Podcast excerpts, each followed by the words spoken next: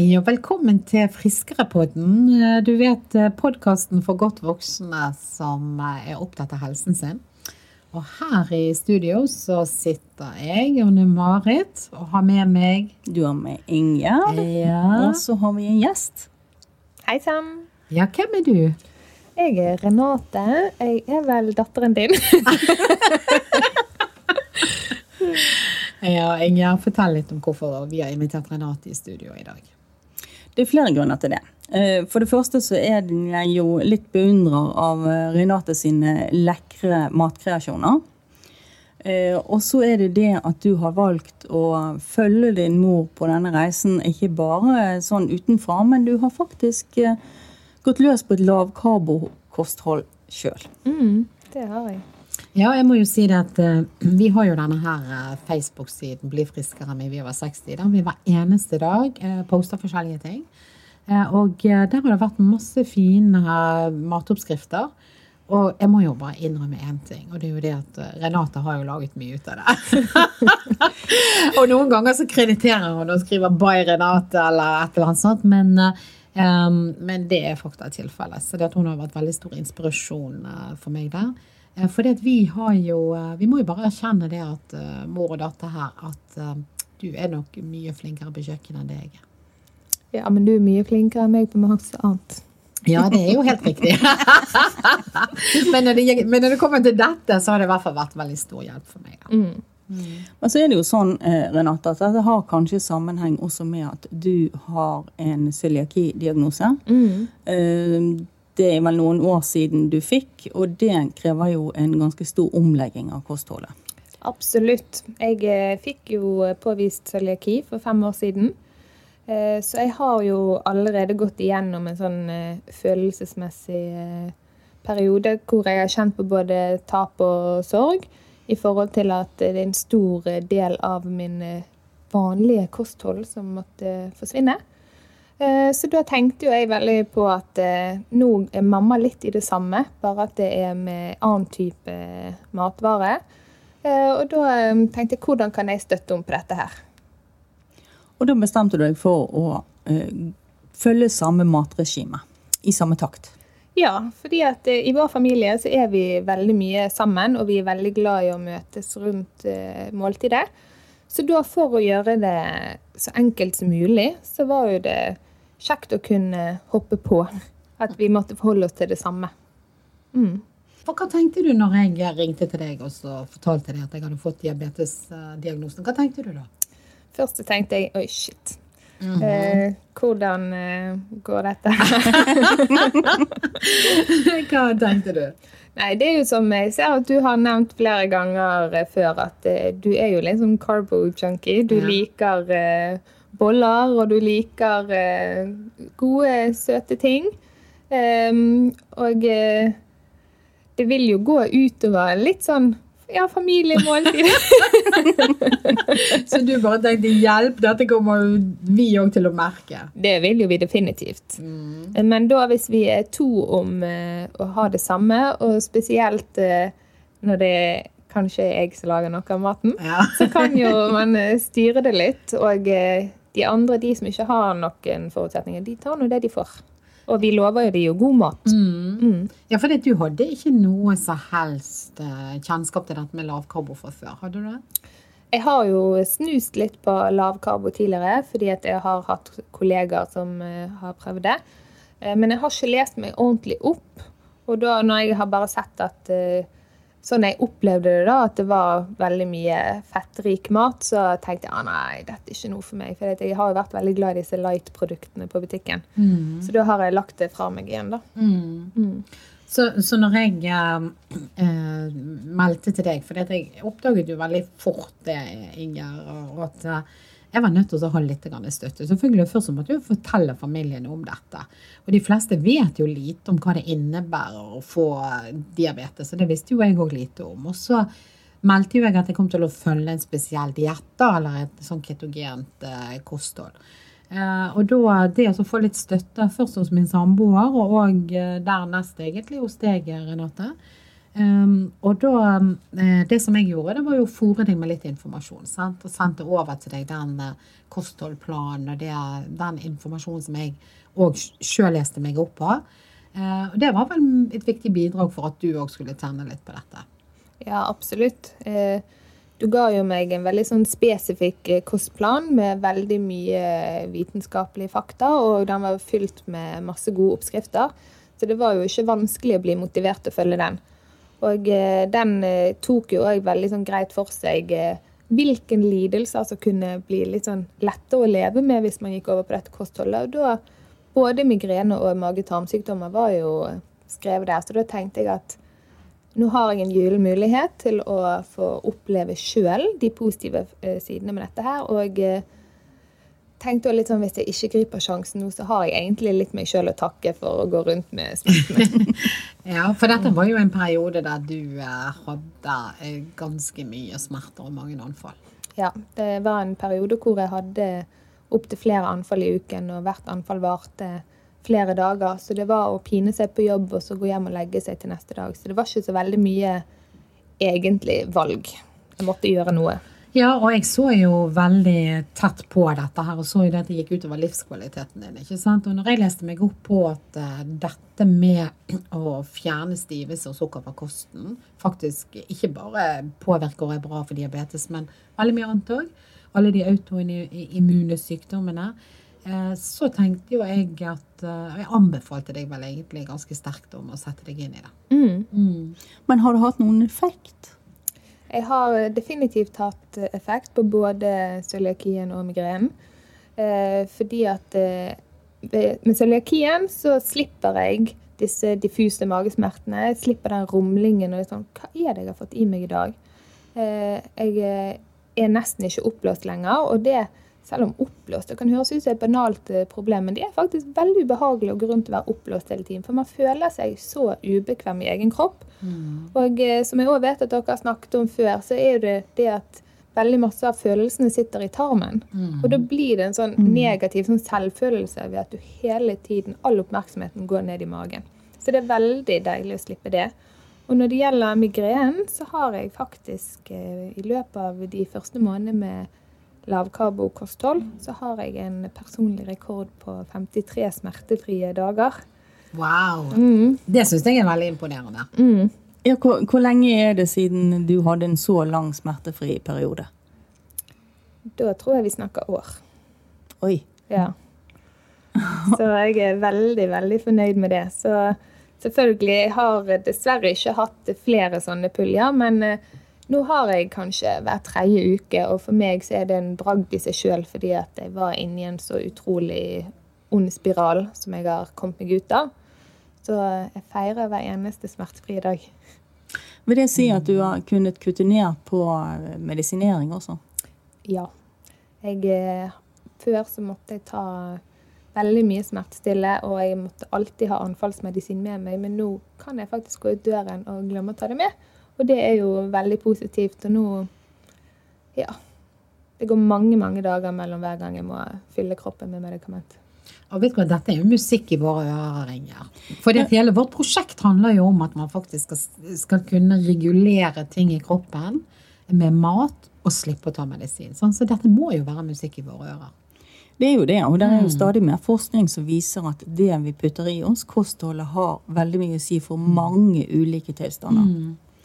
Og det å holde seg til eh, ren mat, kutte ned på sukker og eh, stivelse, det er jo alle ernæringsekspertene enige om. For det er jo egentlig det er mange som er skeptiske til dette med lavkarbo. Eh, de tror det handler om å putte i seg veldig mye fett, rent fett. og Eh, sverger kanskje til å telle kalorier, for det har jo vi en lang historie for å gjøre. Eh, kan du avmystifisere det litt, Renate? Hva, hva er dette, endringen i dette kostholdet? Hvor, hvor lett eller hvor vanskelig syns du det? Du er 32 år, mm. eller blir det noe i år? Eh, og gjør jo dette her av dine grunner. Men fortell oss litt om hvordan du opplever det. I begynnelsen, selvfølgelig. Det er jo litt sånn tøft når man går fra et eh, høykarbo, sukkerfyldig, stivelsesrikt kosthold til å gå over på litt den renere livsstilen. Mm, full av abstinenser og litt sånn Det er rett og slett en eh, avrusning man Ja. skal igjennom. Mm. Fordi at det er så mye puss i kroppen som skal ut. Men så er det så utrolig deilig når dette er kommet ut, fordi at jeg har aldri vært så veldig flink å spise på dagtid. Og da fyller jeg jo kroppen med både søtt og masse brødmat på kvelden fordi at jeg må fylle lagrene. Og nå er det så deilig å kjenne på at jeg egentlig ikke er så sulten. Og hvis jeg er sulten, så tar jeg meg gjerne en ostebit eller eh, et kjøttstykke eller en avokado, håndfull med nøtter. Det er ting som egentlig er veldig lett tilgjengelig, og som er sunt for kroppen, istedenfor å ta en Snickers, som gjerne var Det var min go to på veien hjem fra jobb. Been there, done that. Ja. men, men det betyr jo det, så du merket vel veldig fort òg at uh, søtsuget forsvant. Mm. Mm. Det gjorde jeg. Så, og uh, cottage cheese, det syns jeg jo i dag er kanskje det beste jeg får. Ja. Mm. Og når eh, jeg fikk den opplevelsen at eh, 86 eh, sjokolade smakte søtt, da tenkte jeg wow, her har noe skjedd. ja, for det er vel ganske mye dokumentasjon på eh, faktisk at eh, smaksløkene endrer seg. Altså ting smaker annerledes. Mm. Og det, er når du fraværet ut av det søte, da, da oppleves det lille søte som du får, f.eks. bær, eh, oppleves ekstremt søtt også. Fordi at vi dropper jo òg frukt i dette kostholdet. Jeg var i et selskap hvor vi fikk eh, sånn Mozell-brus som velkomstdrikk. Jeg klarte faktisk ikke å drikke det, for det var så søtt. Mm. Ja, det er ganske typisk. Mm. Men du har jo eh, hatt en annen effekt òg. Det er jo en bieffekt at kiloene raser jo ut av når du går på et sånt. Og det merket jo du òg. Det gjorde jeg. Jeg hadde ikke veldig masse å ta av, men jeg syns det var en positiv eh, sideeffekt. Ja, for det går jo fort. altså Man merker jo det liksom på kroppen. Fem, seks, syv kilo eller ikke hvor mye. Sånn. Mm. sånn at det er jo liksom den velværebiten i tillegg. Og det er vel kanskje det, en av de to tingene folk rundt meg har kommentert òg, at de ser plutselig at eh, jeg er blitt litt smalere rundt haken, og samtidig så de merker at eh, energinivået mitt har økt. Spesielt på jobb i forhold til eh, fravær med migrene og sånne ting. da. Ja. Og det er jo en kjempeeffekt. Ja, det er jo kanskje det aller viktigste. At eh, du føler deg friskere og eh, har, har mer eh, å gi. Mm. Altså det er rett og slett det at livskvaliteten øker. Ja. Og det har jo vi snakket mye om, Inger. Ja, det er jo det som vi prøver å være forkjempere for her. Ja, det det, er jo er, det. det er ikke nødvendigvis de kiloene i seg sjøl av eh, hensyn til det ytre. Eh, men det er jo det at du skal føle deg bra på innsiden. At du skal føle at kroppen din spiller på lag med deg. Fordi at eh, Vi vet jo det at hvis du har på en måte en plage eller en lidelse eller en sykdom, så avler jo det ofte flere plager og lidelser og sykdom. Det beste er jo at nå klarer jeg å være mer til stede i øyeblikket og med de jeg er med. Fordi at eh, både, sant, både diabetes, migrene og cøliaki det er jo usynlige sykdommer. Det er ingen som ser hva du går igjennom. Og eh, til og med når jeg har et anfall på jobb, det er så vidt jeg klarer å stå oppreist, men så kan noen si 'Å ja, det ser ikke ut til du har så vondt'. Ja. Sant? Og da er det vanskelig å vite hva andre går igjennom. Men eh, når jeg har smerter, så klarer ikke jeg å være til stede i den samtalen eller prestere det jeg skal. Nei, for det- at det tar mye energi. Og, og, og all all, energien i kroppen drages jo mot det stedet sånn som du har smerter. Ja. Eh, Så det er jo en veldig god, god gevinst. Mm. Men hvor viktig er dette, eh, tenker du, Anma, at, at der er familien, de nære rundt, følger med på en sånn livsstilsendring og er et støtteapparat? Altså, jeg synes jo Jeg ble jo veldig glad og positivt overrasket over at Renate ville følge det. Og akkurat det samme med samboeren min òg, som bare med en gang sa at selvfølgelig skal jeg støtte deg på dette. Vi skal bare lage et, eller ha ett kostregime hjemme hos oss. Um, eh, det at, og jeg hadde vært veldig bekymret altså Jeg var nesten mer bekymret for Renate sin migrene og cøliaki enn min egen eh, Det er jo litt det der mor, eh, morsinstinktet. Eh, Det plaget meg at du hadde så mye migrene, fordi at det er eh, så livskvalitetshemmende, på en måte. Det å måtte ligge hjemme og gå fra jobb og, og måtte putte i seg så mye medisiner. Og det er jo litt at, mitt prosjekt jeg har jo litt sånn avisjon mot dette her pillehelvetet pillehelvete som vi har i Norge, for å si det sånn. Det er så lett å dytte i seg noe. Så det at, um, at jeg oppfordret deg til å være litt nysgjerrig på dette For i takt med at jeg leste meg opp sjøl i forhold til diabetesen, så jo jeg det at det er jo ikke bare spesielt for diabetesen, dette her. Det er så mye bra som kan skje med kroppene med andre diagnoser. Og jeg har jo òg hatt en prat med min mor, som òg har en eh, Som har en eh, Fibromyalgi. Ja, fibromyalgi. Det er jo en autoimmun sykdom, det òg. En revmatisk Ja, en revmatisk, sant, som veldig mange kvinner får. Og det som jeg òg tror at jeg gjorde i forhold til deg, Renate, det var å si at OK, jeg har fått diabetes type 2. Dette vet vi er litt genetisk òg. Det er en del autoimmune sykdommer som er genetisk. Altså vær litt obs sjøl. Jeg tror jeg, jeg, jeg har tatt den praten med begge mine barn.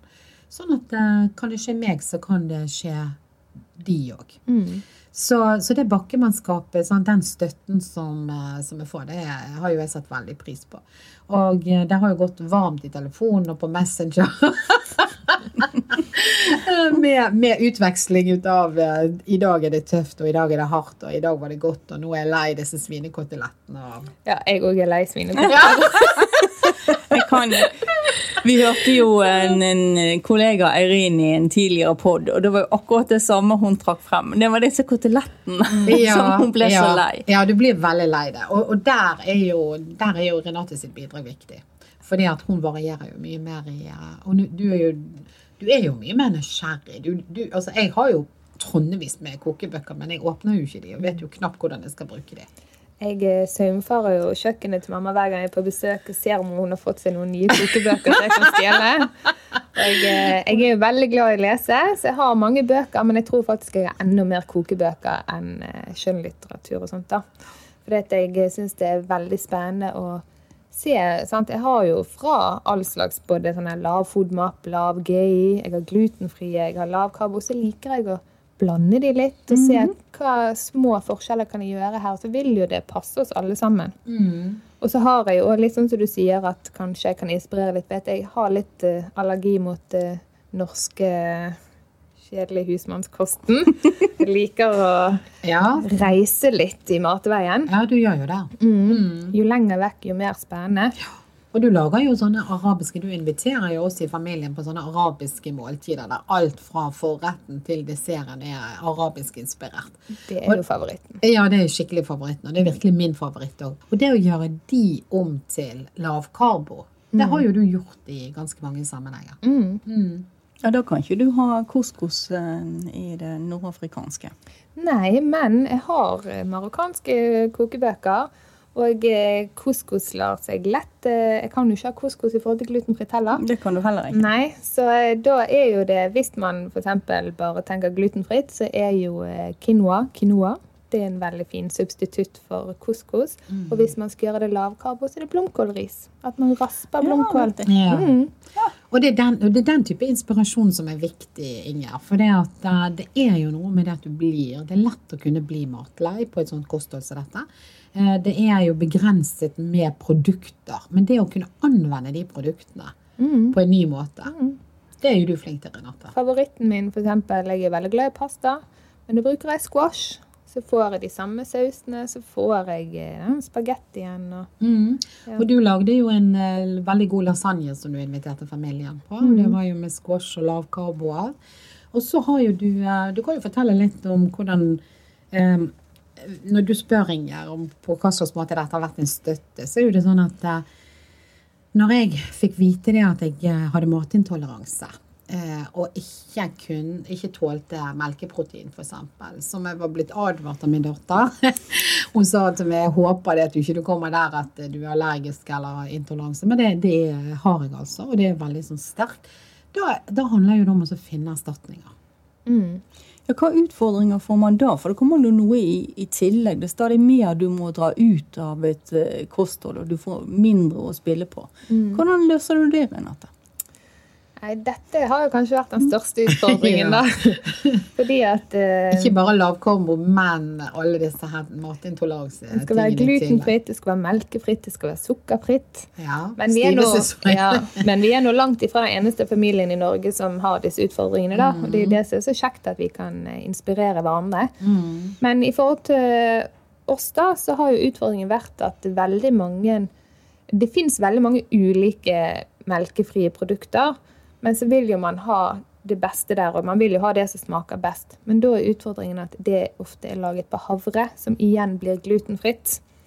Så vi har en sånn liten Eller runddans der. glutenfullt fullt av Oi, gluten. unnskyld. Ja. Glutenfullt, Ja. selvfølgelig. Mm, Mm. For havre i seg sjøl er glutenfritt, men det blir produsert i samme lokale som de glutenfulle Ah, ja, kornsortene. Ja. Så da, Og så har vi den andre, andre utfordringen, som er på det at hvis du velger meg som ikke tåler melkeprotein, så fins det en del eh, plante... Er plantebaserte Ja, plantebaserte produkter. produkter. Men de er fulle av karbohydrater. Så du kan si det at en rømme, eksempel, som er nesten ingen karbohydrater i en vanlig rømme Hvis du kjøper den plantebasert, så er det plutselig så mye at det, det er flere dagers karboinntaknivå. Så det, der har jo vi gått på en smell et par ganger. En ting er å få til disse her matregimene når vi er hjemme.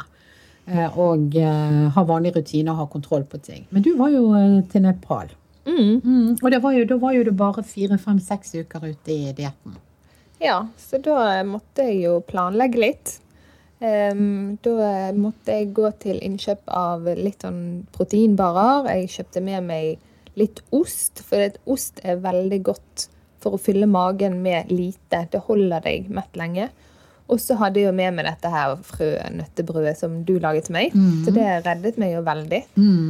Ehm, så da, ehm, og så har jo du sagt at eh, du periodisk faster. Og med tanke på at jeg eh, har gått på samme kostplan som deg, så gjorde jeg det òg. Og det gjorde det litt lettere, for det ble litt færre måltider å måtte tilrettelegge for. Så mens resten av reisefølget mitt spiste frokost, så drakk jeg nå bare meg en kopp te, og så snek jeg nå opp en skive med noe ost litt sånn utpå dagen. Og så var det å prøve å gjøre det beste ut av den maten vi fikk servert, da. Um, og jeg elsker jo indisk mat. Men det var jo ikke alt jeg kunne spise ut av det. Nei, for dette med nanbrød og ris og sånn det- Nanbrød er jo en tapt sak. Ja. Uansett.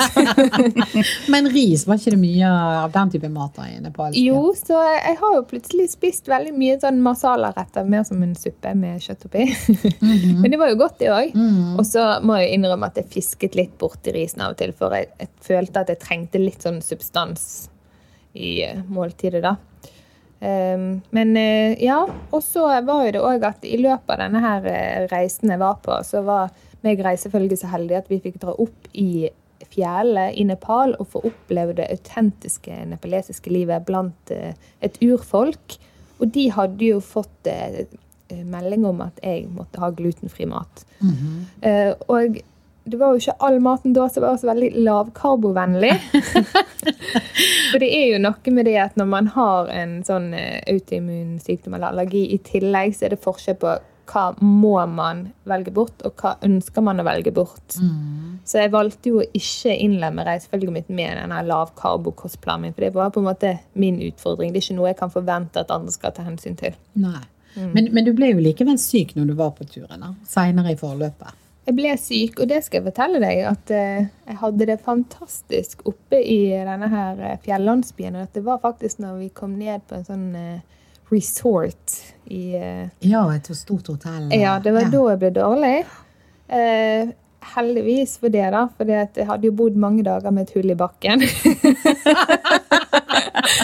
og nå hadde jeg eh, Du, du ville ikke bli syk der oppe i fjellandsbyen? sov på trebenker og gikk på do i et hull. Jeg var glad jeg hadde en ordentlig seng og et ordentlig toalett, for det var noen heftige døgn der. Ja. Ja. Men det var, eh, viser vel egentlig hvor utfordrende det er. At det skal, I ditt tilfelle med cøliaki så er det jo en lite som skal til. Mm. Og ofte så er det mm, at det, det smitter fra én mat til, til annen mat. Ja, det er jo denne her krysskontamineringen. Fordi at eh, jeg får jo veldig ofte høre sånn Ja, men hallo, kan ikke du bare plukke det bort, da? At folk forstår ikke at én smule er nok. Men så er jo òg utfordringen at til og med vi med cøliaki reagerer forskjellig. At noen kan ikke få en reaksjon i hele tatt. Og derfor tror de at det går fint, og så tar de seg plutselig en bolle. Så har du andre som meg som reagerer veldig kraftig på veldig lite. Men da er det viktig ikke bare for oss, men for de rundt oss, å vite at uansett fysisk reaksjon, så er skaden like stor inni kroppen.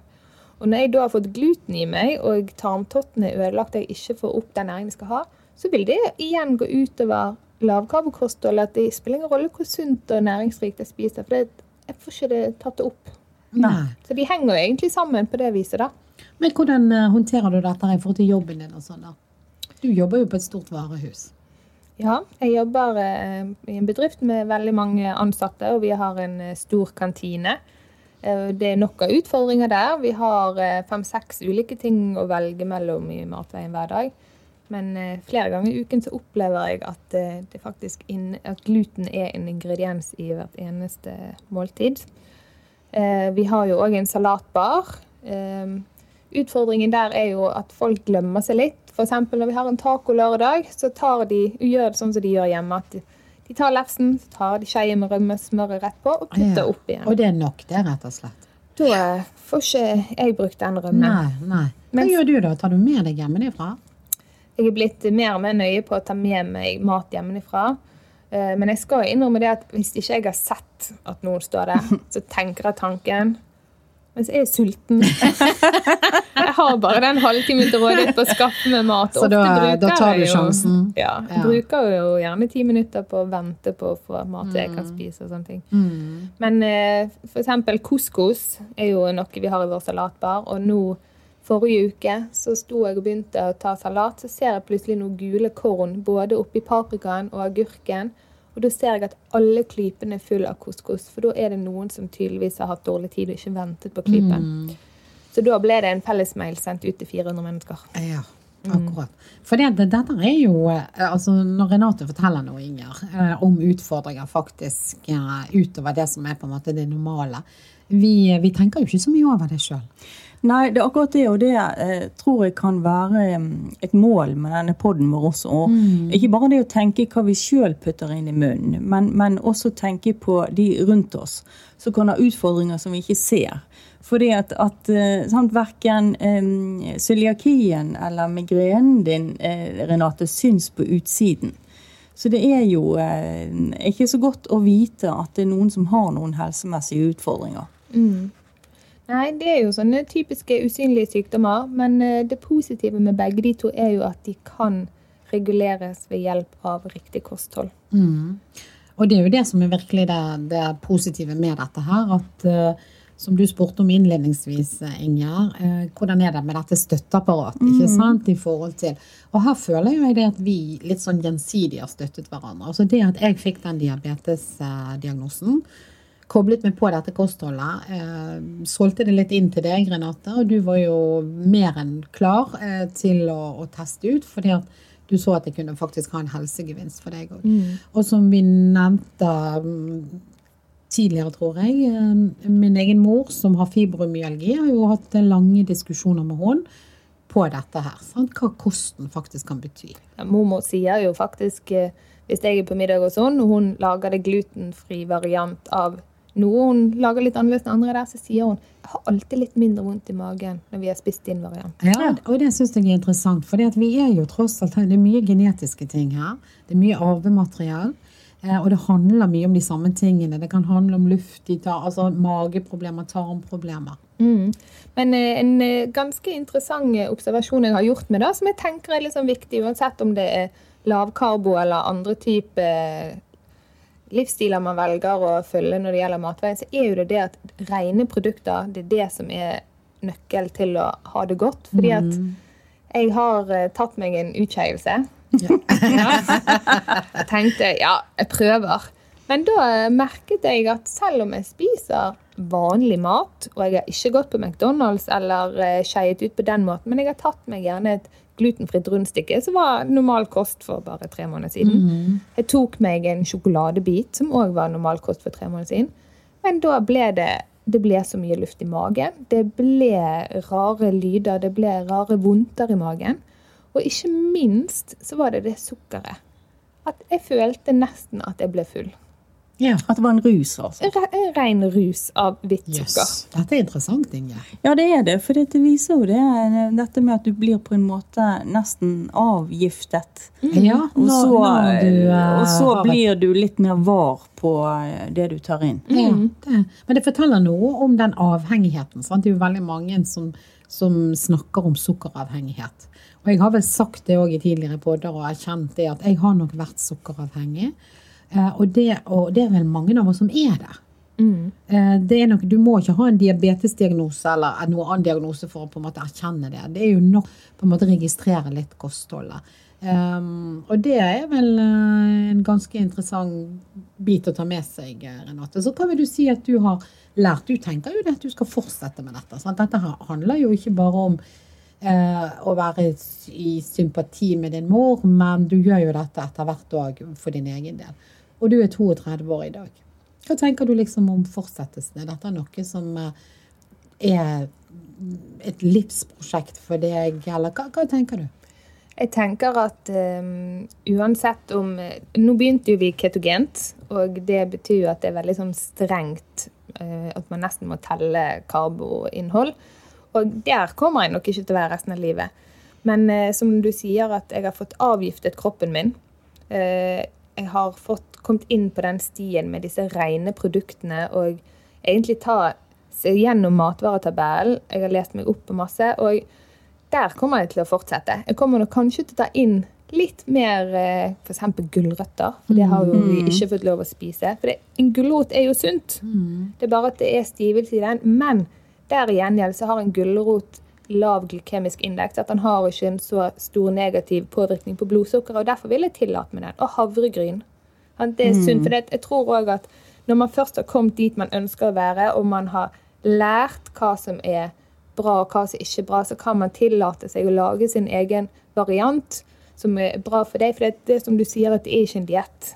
Det er en livsstil. Nei, og det har jo vi snakket om. Det snakket vi faktisk om eh, i en nylig podde, vi, Inger, Ja, det akkurat om dette her. Eh, Og, og de gode resultatene, de, eh, det er på en måte den forfriskningen. Altså det at man blir friskere, eller at man ikke blir sykere da, i mange sammenhenger.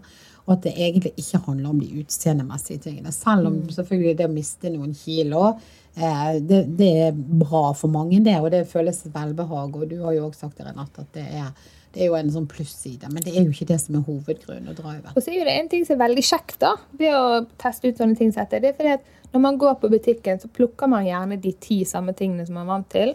Men nå må man teste ut nye ting, så jeg Ja, har faktisk eh, jeg har fått en ny favoritt. Ja. Fordi at, sant, Jeg kan jo ikke spise potet lenger, men sellerirot Jeg har bare sett på den skrukkete Ja, så du lager sånn som jeg har tenkt på. selleripuré?